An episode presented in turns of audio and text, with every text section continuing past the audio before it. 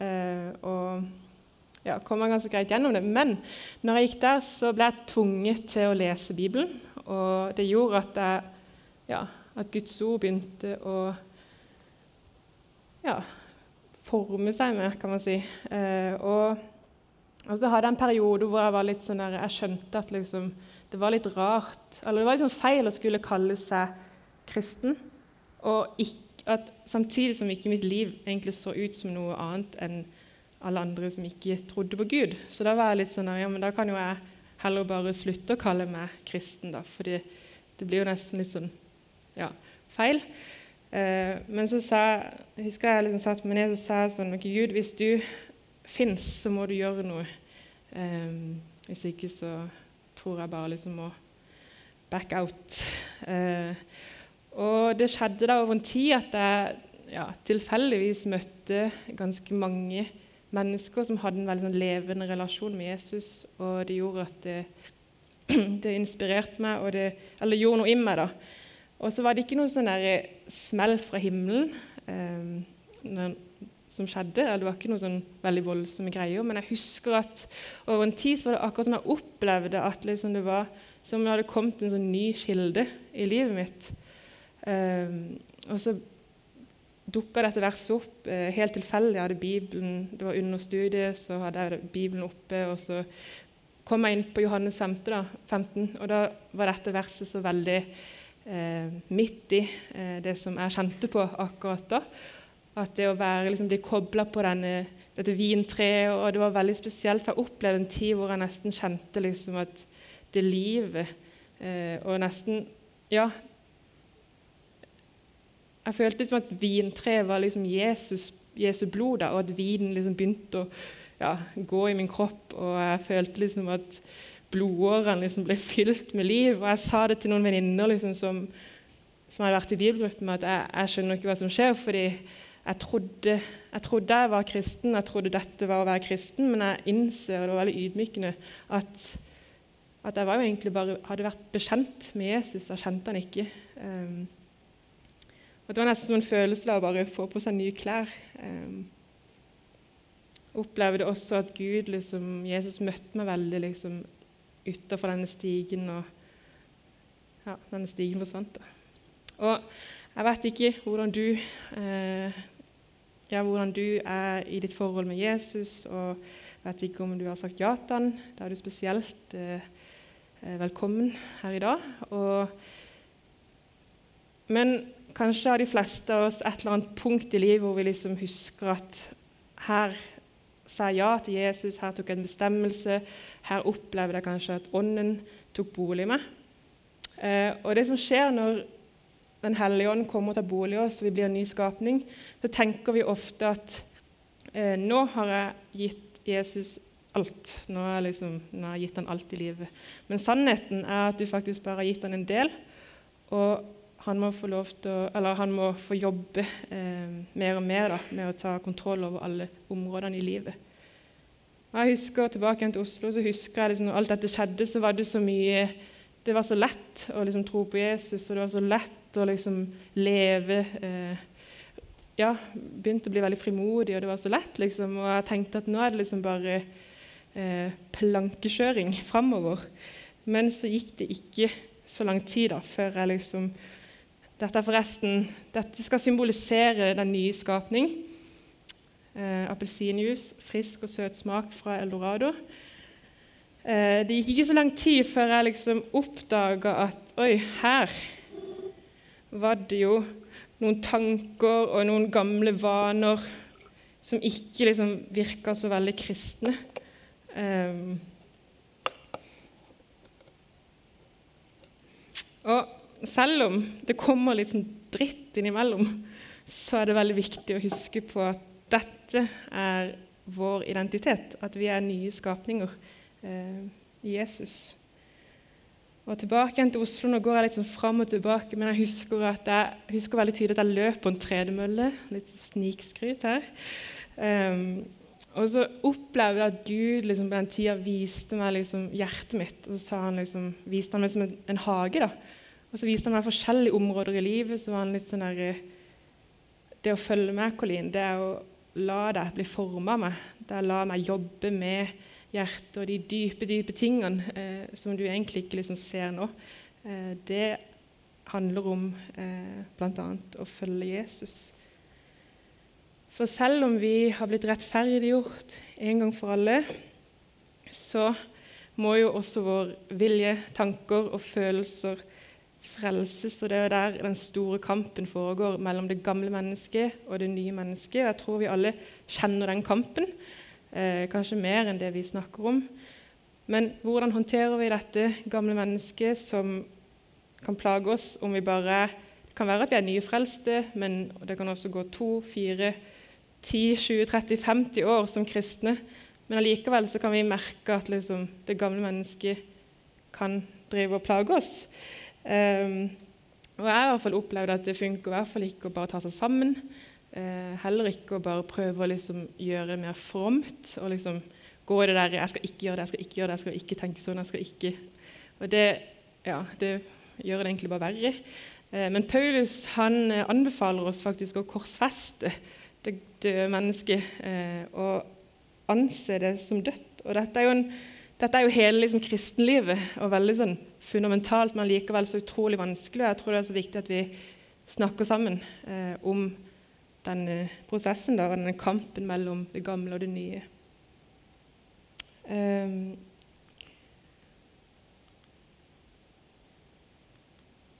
Oi, nå tror jeg den eh, tror den her forsvant. Sondre, vil du bare bytte slide? Der, ja. Flott.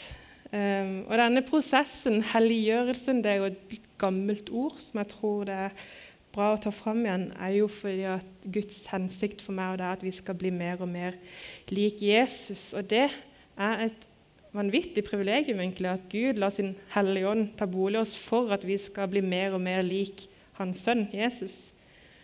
Og disiplene de var jo, altså de var jo dines forbilder på det, fordi de jubla jo når de led fordi at de fikk en mulighet til å ligne Jesus. Og jeg gjør ofte ikke det. Jeg vil helst unngå smerte.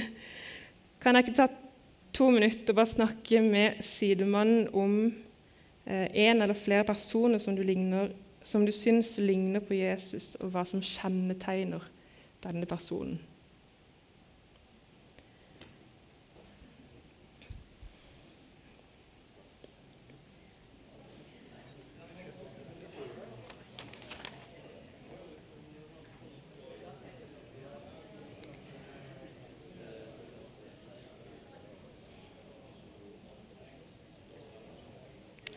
I Galaterbrevet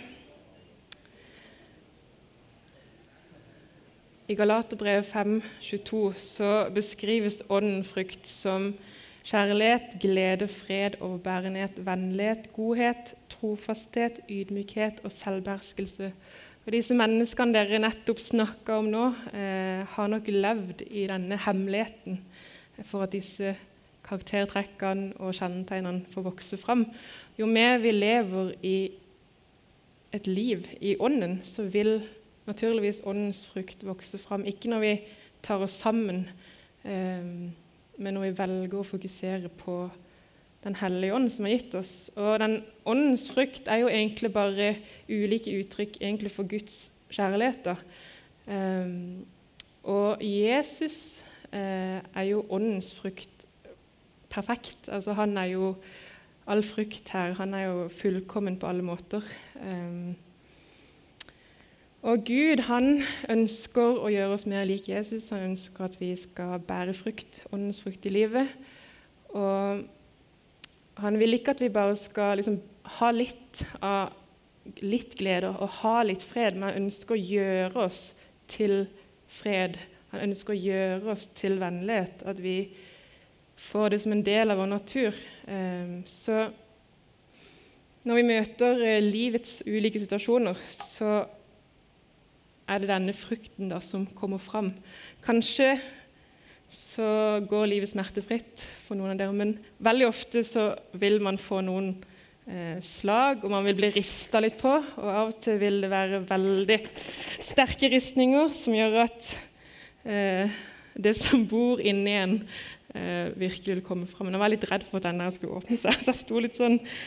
Men når det kommer, når det er åndens frukt som kommer ut, så vitner det vanvittig sterkt om Jesus. Er ikke det kult? Litt? og verden trenger at eh, kristne eh, ja, lar seg fylle seg ånden eh, om og om igjen. Trenger eh, oss, dere, eh, som eier Guds fred, som eier Guds vennlighet og kjærlighet i møte med livets situasjoner og mennesker. Og Gud han er utrolig opptatt av denne prosessen fordi han ønsker at vi bygger et liv som består helt inntil han kommer igjen. Og Han er mye mer opptatt av din karakterutvikling enn din komfort. Og mens vi ofte er opptatt av hvor raskt vi kan vokse, så er Gud mer opptatt av hvor sterke vi kan bli. Se for deg tre. Hvis det skal liksom bli stort og flott, så er det veldig viktig at det har dype røtter. Og Altså, jeg vil jo ofte bare ha raskeste vei til liksom, suksess. Så når jeg skal lære meg nye ting, så vil jeg liksom bare være like god som alle andre som har gjort det veldig lenge. Eh, men det er jo ikke sånn det fungerer, har jeg skjønt.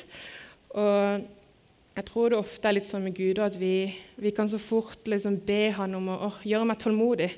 Men Gud gjør oss ikke bare tålmodige over natta. Han gir oss situasjoner, han gir oss valg, han gir oss mennesker, ikke minst. Og for at denne frukten skal få vokse fram. Jeg tror det er viktig at vi liksom ikke unngår denne prosessen, selv om det er liksom, dette er ikke lett, dette jeg snakker om. Eh, men uansett hvor vi er på vandringa, uansett hvor gamle vi, er, gamle vi, er, så tror jeg vi må fortsette å tørre å si ja til å vokse eh, og bli formes. Rick eh, Warren han skriver det, eller han sier det at når Gud vil skape en sopp, så gjør han det over natta. Men en kjempeeik trenger 100 år. Store sjeler vokser gjennom kamper og stormer og tider med lidelser. Vær tålmodig i prosessen. Det tok Gud 40 dager å ta Israel ut av Egypt. Men det tok 40 år for Gud å ta Egypt ut av Israel. Tenk på den, du. Nå skal vi se litt nærmere på dette, hvordan Gud jobber med denne vekstprosessen som er beskrevet i Johannes 15. Kan vi gå tilbake igjen til Johannes 15, 1-2.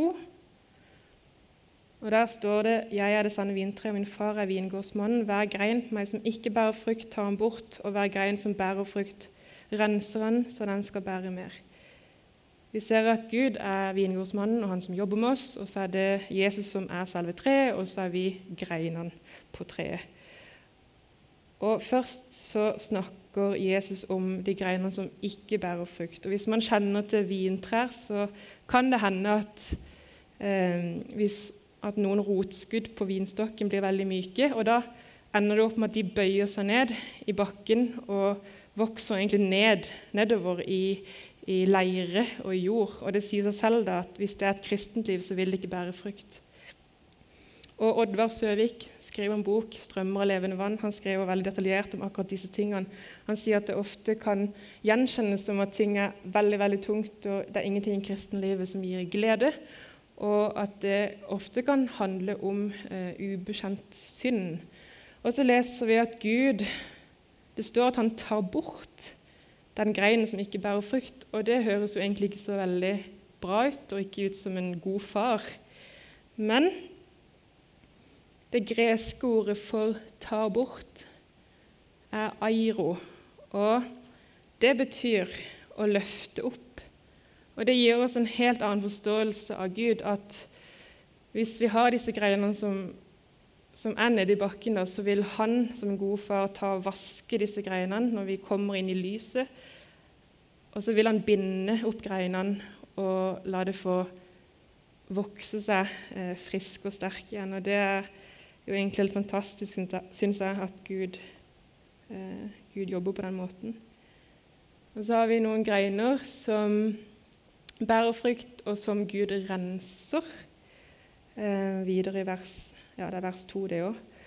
Og det kan handle om at hvis en grein vokser veldig for seg selv, langt fra liksom stammen, så vil det av og til vokse mer blader og villskudd enn frukt. Og det sier seg selv da, at da hindrer det frukten i å vokse fram. Eh, og igjen, Oddvar Søvik han sier det at dette handler, kan handle om at man lever ut eh, denne syndenaturen. Der. Og det handler ikke bare om liksom, dette med det kroppslige i det hele tatt, men det handler mer om det derre meg selv i fokus, meg selv liksom, i sentrum, og det er når jeg selv vil være Gud. Eh, og formaning skjer først og fremst gjennom Guds ord, men hvis ikke det funker, så hender det av og til at Gud må skjære bort de tingene vi liksom har satt vår lit til. da. Eh, og det kan jo gjøre ganske vondt. Det har jeg opplevd selv.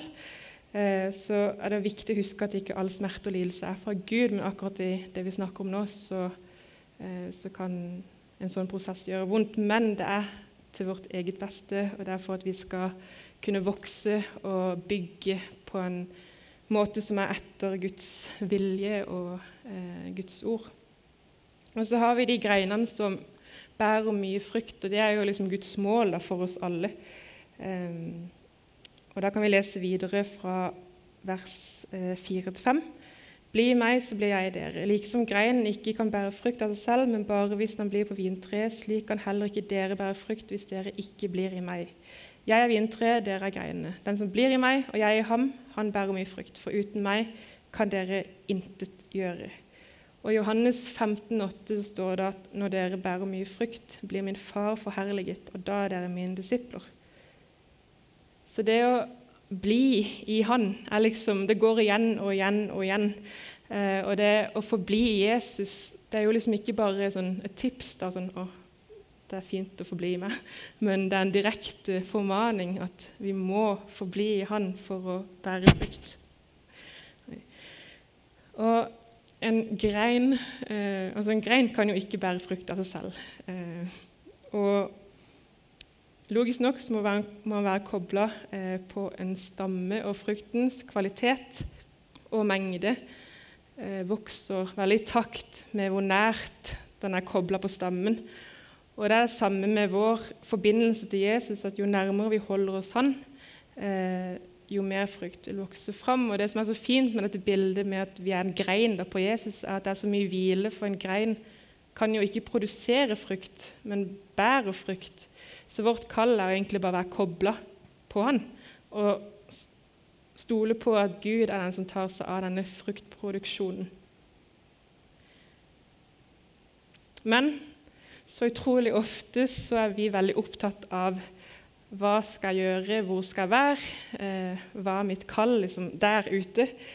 Um, og mange kan til og med bruke liksom hele liv på å egentlig ikke finne sitt kall, og det er jo litt sånn dumt og litt trist.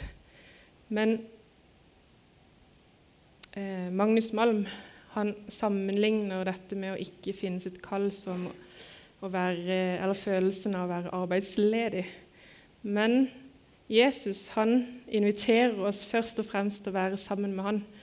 Eh, og det å være med han og holde oss nær han, det er vårt, det er vårt hovedkall.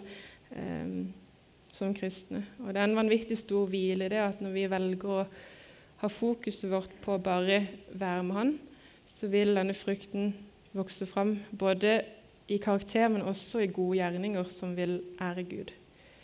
I Romerne 11, 16 så står det at hvis roten er hellig, er greinen òg hellig. Og Det er dette som er sann hellighet, det å liksom være kobla på Jesus og holde oss nær Han. Det er da vi kan vite at vi er hellige. Det handler ikke om å gjøre alt riktig eller liksom være nok eh, på møter eller være, gjøre ditt og datt, som vi ofte kan rote oss borti. Eh, og 1. Korinterbrev 1,30 så står det også at eh, Jesus er vår helliggjørelse. Så her får vi jo faktisk tre fluer i én smekk. Altså én, vi har funnet nøkkelen til vårt kall. To, vi har nøkkelen til et hellig liv. Og tre, vi har nøkkelen til en vekst som bærer frukt til Guds ære. Og Jeg opplevde litt når jeg liksom satt med denne talen, at det der med å være, bli Jesus, det er liksom ikke bare sånn Ja, det er viktig for oss kristne alltid, men jeg følte det var en veldig sånn et ord inn i tida eh, som vi lever i. At Jesus sier til oss 'Kom og vær sammen med meg'. Eh, 'Kom og ta deg tid, gi meg rom'. Det var så fint at vi hadde den der 'make room' rett før talen. For jeg tror det er noe av det viktigste vi kan gjøre i dag. Det å velge å være sammen med han. Um, og Jeg så for meg et sånt bilde av en sånn båt på havet. Og at hvis man ikke setter motoren i gang, så vil jo båten bare liksom drives vekk av bølger og vind og vær. Og, og sånn er det litt med liksom våre liv. da, For jeg merker selv liksom hvor lett det er å bare drive vekk uh, av alt mulig. Um, og Vi kan oppleve liksom at ja, det gamle menneskene herje, men også liksom disse understrømmene som vi kanskje ikke er så veldig bevisst på, som bekymringer og rikdom og komfort, ikke minst. Um, ja, til og med gode ting og til og med kristne aktiviteter kan ta oss vekk fra nærværet med Jesus. Vi kan bli så utrolig opptatt av å bare være med på alt mulig, eller bare Ja, ja dere skjønner poenget. Og Jeg tror også djevelen er veldig glad i å utnytte dette. utnytte dette. Han er veldig god til å hviske i våre ører at du kan jo bare, kan bare utsette det. Bare ta og utsette valget. Eh, bare ikke, det er ikke vits å snakke om den, det du sliter med, fordi eh, ja, du blir uansett ikke hørt. Eh, eller, eller, så kan han gjøre oss så veldig opptatt av så mange ting som egentlig ikke er viktige. Men Gud er en god far, og han har gitt oss sine åpne armer hver dag for at vi kan løpe til han og løpe til hverandre eh, med alt som hindrer oss fra å holde oss nær Jesus. Så det å forbli i Han er altså ikke liksom um, Det er ikke noe som bare skjer sånn uten videre. Og det husker jeg trodde liksom lenge, at nå skal Gud bare gjøre alt. Jeg skal, bare, jeg skal ikke gjøre noe. Men da blir man jo fort veldig passiv. Um, det er en veldig aktiv uh, viljehandling. Man må liksom skru på motoren, da. Så poenget med den talen er jo ikke at liksom, nå skal vi begynne å måle frukten eh, i eget liv eller i hverandres liv, men jeg kjente bare så sterkt på det at vi må velge å søke Han i dag. Vi må velge å være mann i dag, og vi må ikke gjøre det når vi bare har tid i vår, tid i vår egen timeplan.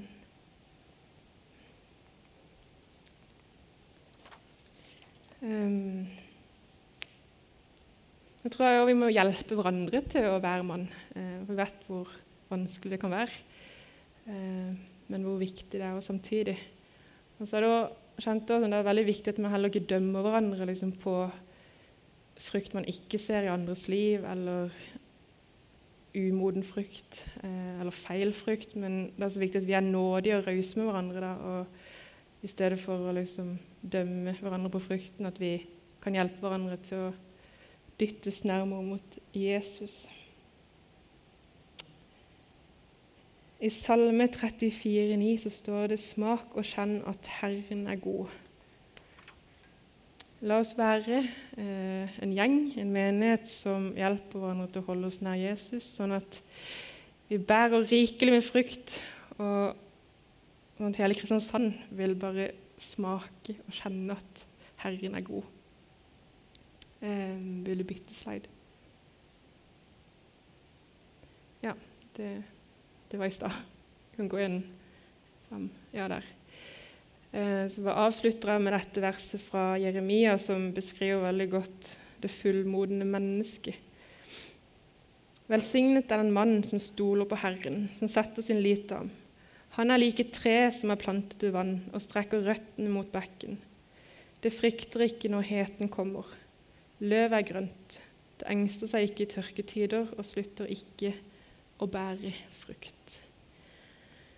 Takk, Jesus, for at uh, du gjør et verk i oss. Takk for at du fortsetter det verket som du starta i hver og en av oss, Herre. Må du bare ja, komme med din ånd, komme med din kraft, komme med din nåde, komme med din kjærlighet, og bare fortsette å gjøre oss eh, mer lik deg, Jesus. Far, jeg bare takker deg for hver og en som er her. Um, takk for at du kjenner dem bedre enn de kjenner seg selv. Eh, jeg ber om at de bare skal få kjenne at du er nær Jesus i denne tida som kommer. Ja, i ditt navn, Jesus. Eh, nå skal vi få en eh, solosang, og da kan egentlig bare hver og en bare sitte